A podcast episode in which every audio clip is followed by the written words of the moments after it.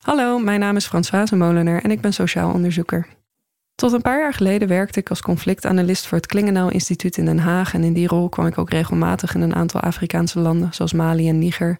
En ik werkte ook op het dossier van Libië, waar ik onderzoek deed naar lokale conflictdynamieken.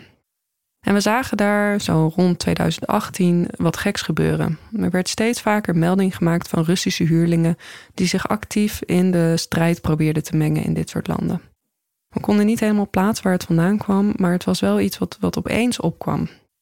Inmiddels zijn we een paar jaar verder. Is Wagner, waar het toen ook al over ging, eh, steeds vaker in het nieuws. Zeker nog vorige twee maanden geleden, toen ze Rusland binnenvielen. En de correspondent vroeg mij dan ook of ik vanuit mijn achtergrond als conflictanalist wat zou kunnen schrijven over dit soort huurlingenlegers. Want Wagner kan natuurlijk klinken als een soort gekke Russische anomalie. Maar er is hier iets veel groters aan de hand en ook iets veel gevaarlijkers. Dus daar heb ik dit stuk over geschreven. Ehm, misschien een beetje duister, maar wel heel belangrijk om ehm, deze ontwikkeling te volgen. Want als we denk ik één ding kunnen concluderen, dan is het dat het Westen veel te lang de ogen gesloten heeft voor wat er nou aan de hand is met Wagner en andere soorten huurlingenlegers. Sinds de Russische invasie van de Krim in 2014 en die van de rest van Oekraïne in februari 2022 is er veel aandacht voor de beruchte Wagner-groep. Het aan het Kremlin gelieerde huurlingenleger werd in Oekraïne ingezet om te vechten naast het reguliere Russische leger, maar keerde zich eind juni plots tegen zijn werkgever en viel Rusland binnen. De opstand mislukte, de Wagner-manschappen vluchtten naar Belarus en op 23 augustus crashte in het westen van Rusland een privévliegtuig met onder andere aan boord Wagner-oprichter en leider Yevgeny Prigozhin en medeoprichter Dmitri Utkin. Dat de rol van Wagner in Rusland nu grotendeels lijkt te zijn uitgespeeld, laat onverlet dat de inzet van dergelijke private military and security companies de laatste decennia wereldwijd een vlucht heeft genomen. Steeds meer landen besteden militaire en veiligheidsactiviteiten uit aan dit soort private paramilitaire ondernemingen.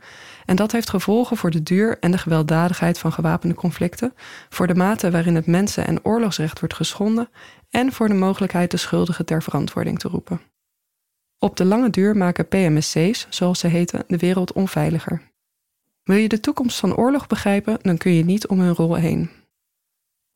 Huurlingen zijn van alle tijden. Wat is er nu zo anders? Het gebruik van huurlingen is zo oud als oorlog zelf.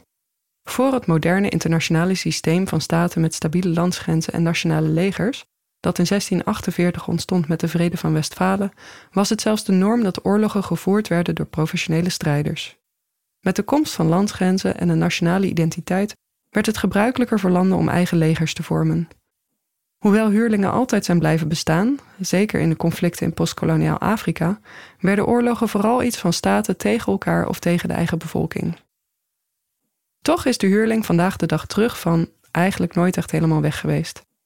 Volgens de VN-werkgroep die de betrokkenheid van huurlingen bij mensenrechtenschendingen onderzoekt, is er een duidelijke toename zichtbaar in het gebruik van huurlingen. Zo vechten Russische en Turkse huurlingen tegen elkaar in Libië en kom je ook huurlingen tegen in conflictgebieden in de Zuid-Caucasus, Syrië, Irak, Mozambique, Somalië, Mali en de Congo-regio. Die huurlingen worden volgens de UN Working Group steeds vaker geleverd door PMSC's die het principe van vrije marktwerking toepassen op het voeren van oorlog. Om aan de toenemende vraag naar kanonnenvoer tegemoet te komen, boren zij, tegen een riante vergoeding, nieuwe bronnen van personeel aan. Dat Wagner Russische gevangenen wierf voor de strijd in Oekraïne is het meest beruchte voorbeeld. Maar er worden ook steeds vaker kwetsbare, ongetrainde burgers uit conflictgebieden geronseld of zelfs verhandeld. Het beeld van de professionele strijder die zichzelf voor eigen gewin laat inhuren door de hoogste bieder is dus deels achterhaald. Een nieuwe lichting PMSC's heeft het huurlingschap gecommercialiseerd en voor de massa toegankelijk gemaakt, met alle excessen van dien. Wat is een PMSC precies? Een private military and security company is, de naam zegt het al, een soort privéleger dat anders dan gewone legers niet officieel gelieerd is aan een bepaalde natiestaat, maar als dienstverlenend bedrijf ingehuurd kan worden. Voor militaire doeleinden, maar ook voor logistieke ondersteuning of transport, grensbeveiliging of het beveiligen van commerciële belangen zoals olievelden, vliegvelden of schepen. Het Amerikaanse Blackwater, een van de meest notoire PMSC's ter wereld, hield zich in Irak en Afghanistan bijvoorbeeld vooral bezig met logistieke ondersteuning, het trainen van militairen en het beveiligen van konvooien en hooggeplaatste personen. Er zijn daarom grote verschillen tussen PMSC's. Aan de ene kant van het spectrum zijn er internationale veiligheidsbedrijven die humanitaire konvooien voorzien van bewaking in conflictgebieden. Ook Nederlandse koopvaardijschepen zetten op gevaarlijke scheepvaartroutes bijvoorbeeld PMSC's in om hun schip, bemanning en lading te beschermen. Aan de andere kant van het spectrum vinden we huurlingenlegers zoals het Zuid-Afrikaanse Executive Outcomes en het inmiddels opgeheven Britse Sandline International, dat door meerdere Afrikaanse regeringen werd ingeschakeld om tegen rebellenbewegingen te vechten. Tussen deze twee uitersten vinden we ondernemingen zoals Blackwater of het eveneens Amerikaanse DINCorp International, dat door de regering van de Verenigde Staten onder meer werd ingehuurd om in Liberia een nieuw leger op te bouwen. Formeel zijn dit geen huurlingen, maar in de praktijk is de scheidslijn tussen het leveren van militaire ondersteuning en het deelnemen aan gevechtshandelingen, zoals huurlingen doen, vaak onduidelijk. Het aantal PMSC's groeit. Waar komen ze vandaan? Tussen 2001 en 2003 was er wereldwijd bijna een verdubbeling van het aantal PMSC's, van 38 naar 79. Belangrijke aanjagers waren de oorlogen die de VS voerde in Irak en Afghanistan. Ruwweg de helft van de Amerikaanse militaire aanwezigheid in Irak en Afghanistan werd geleverd door PMSC's.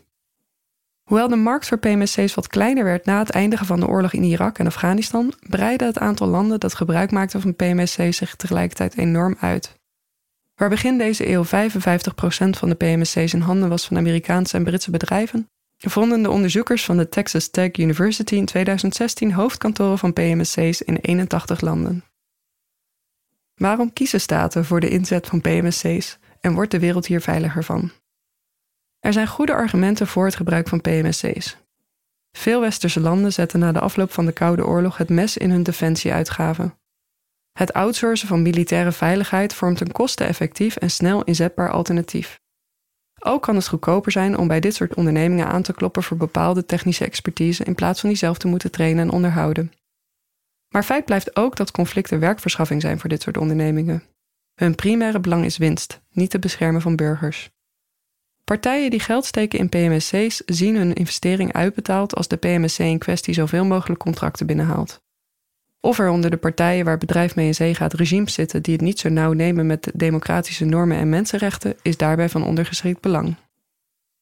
Recent wetenschappelijk onderzoek laat dan ook zien dat het gebruik van PMSC's nadelige effecten kan hebben. Zo leidt de inzet van dit soort bedrijven, zeker wanneer ze ingehuurd worden om te vechten, dus als huurlingen, ertoe dat conflicten sneller opnieuw weer oplaaien. Het is moeilijk om te investeren in geloofwaardige vrede en veiligheid wanneer er altijd de mogelijkheid bestaat dat een van de strijdende partijen met een PMSC in zee gaat. Ook leidt de aanwezigheid van PMSC's eerder tot het begin van gewapende conflicten, zeker wanneer de PMSC al wat langer in het land aanwezig is.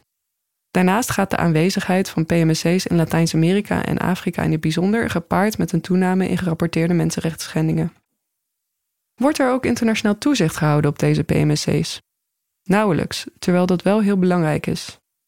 Recent onderzoek laat zien dat beursgenoteerde PMSC's, die verplicht zijn meer informatie vrij te maken over hun functioneren, minder mensenrechten schendingen begaan dan PMSC's die in private handen zijn. Maar juist aan die regulering en dat toezicht schort het. Sorcha McLeod, onafhankelijk mensenrechten-expert en lid van de UN Working Group on the Use of Mercenaries, vertelt dat er bijvoorbeeld geen internationale regels zijn die voorschrijven dat personeel van dit soort bedrijven uniformen of insignes moet dragen. Dat maakt het in een conflictzone heel lastig om te achterhalen wie er verantwoordelijk is voor bepaalde misdrijven en hen later verantwoordelijk te houden voor hun daden. Ook zijn er geen regels die voorschrijven welke interne commandostructuren een PMSC moet opzetten om strijders aan te sturen of hen verantwoordelijk te houden voor hun daden. Wagner profileerde zich zelfs openlijk met het symbool van een voorhamer, een instrument dat werd ingezet bij executies van zowel vijanden als deserteurs. De markt voor PMSC's is volledig gedereguleerd met grote gevolgen voor de veiligheid en mensenrechten van burgers in conflict situaties. Volgens McLeod houden veel landen daarom nauwlettend in de gaten hoe de internationale gemeenschap met Wagner omgaat. Het zij omdat ze zelf ook PMSC's willen inzetten, het zij omdat ze erover denken om in eigen land te helpen PMSC's van de grond te krijgen. En voorlopig heeft de internationale gemeenschap de Wagnergroep op een aantal sancties na geen strobreed in de weg gelegd. Daar heeft ze simpelweg de instrumenten niet voor. Zijn er bepaalde vormen van PMSC's waar we ons echt zorgen om moeten maken? Landen zoals Rusland en Turkije zagen in het toenemende aanbod van PMSC's en het gebrek aan regulering een gelegenheid om relatief goedkoop en efficiënt militair in te grijpen waar ze dat willen, buiten de internationale kaders om, zonder dat de inzet direct naar een regering teruggeleid kan worden. Plausibele ontkenning heet dat. Staten mogen onder het internationaal recht bijvoorbeeld geen raketten leveren aan milities die proberen regering omver te werpen, zoals Wagner in ruil voor illegaal goud in Sudan doet. Ook mogen ze geen massaslachtingen inzetten om bevriende militaire regimes te ondersteunen in de strijd tegen terroristische groeperingen, zoals Wagner in Mali doet. Voor je het weet moet je jezelf als regeringsleider verantwoorden voor het internationaal strafhof. Maar als je een leger huurlingen stuurt en blijft volhouden dat ze enkel militaire trainingen komen geven en dat ze daarnaast niet eens in jouw opdracht handelen, dan houd je als staatshoofd je eigen straatje schoon. Die landen doen dit om hun politieke invloedssfeer internationaal uit te breiden en, zeker in het geval van Rusland, om hier ook goed geld aan te verdienen. Daarnaast is het werken met PMSC's beter voor de bühne. Waar het grote publiek in opstand kan komen wanneer er te veel van onze jongens in de vreemde oorlog omkomen, is dat bij huurlingen niet het geval. Kunnen PMSC's ter verantwoording worden geroepen? Theoretisch gezien kunnen strijders van PMSC's verantwoordelijk worden gehouden voor hun daden. Zo zou een burger hen aan kunnen klagen binnen het eigen rechtssysteem of in het rechtssysteem van het thuisland van die onderneming. Maar dan moet er, in het eerste geval, wel een functionerend rechtssysteem zijn dat de zaak op zich wil en kan nemen. En dat is er vaak niet in landen waar PMSC's actief zijn. Sorsha McLeod noemt het voorbeeld van de Centraal-Afrikaanse Republiek, waar een onderzoekscommissie werd opgericht om klachten over de Wagnergroep te onderzoeken. Die commissie kwam er niet. Wagner had zich veel te diep in de overheidsstructuur genesteld. Als een burger bij het politiebureau kwam om een klacht in te dienen, kwamen ze daar mannen van Wagner tegen. Mensen die een klacht indienen werden vastgehouden, ze werden gemarteld of ze verdwenen zelfs. McLeod vertelt ook over een Syriër die in zijn eigen land door Russische Wagnerleden gemarteld en vermoord werd. Zijn familie probeerde een aanklacht in te dienen in Rusland, maar stuitte daar op allerlei administratieve blokkades. Er was geen enkele Russische rechtbank bereid om een onderzoek te openen of de zaak verder te onderzoeken. Tot op heden is er dan ook pas één Wagner-lid veroordeeld voor zijn werk als huurling. Een man uit Kazachstan die voor Wagner vocht in Oekraïne. In Kazachstan is het huurlingschap bij wet verboden. Eén huurling op al die honderden, misschien wel duizenden huurlingen die misdrijven begaan, verzucht McLeod. Dit was echt een uitzondering. In de praktijk zien we onder Staten geen animo om PMSC's actief te reguleren, voegt ze toe. Juist het gebrek aan aansprakelijkheid is een reden voor landen om PMSC's in te zetten om zich te mengen in conflict situaties. Hun aantrekkingskracht hangt samen met hun schimmigheid. Wat brengt de toekomst? De privatisering van geweld heeft het voeren van oorlog op gevaarlijke manieren veranderd. In zijn boek Money for Mayhem speculeert Alessandro Arduino, docent aan het King's College London, dat willekeurige miljardairs met hun checkboekje in de hand oorlogen kunnen beginnen, verlengen of beëindigen. De superrijken kunnen supermachten worden en er kunnen oorlogen ontstaan zonder dat staten hier een rol in spelen. De tijd zal leren of we werkelijk dergelijke James Bond scenario's gaan meemaken. Maar één ding is zeker. In een wereld waarin de internationale machtsverhoudingen weer op scherp zijn komen te staan, waar er goed geld te verdienen valt aan het leveren van militaire steun via PMSC's en waar staten profiteren van het gebrek aan regulering en schimmigheid, zullen we het model van Wagner vaker terug gaan zien.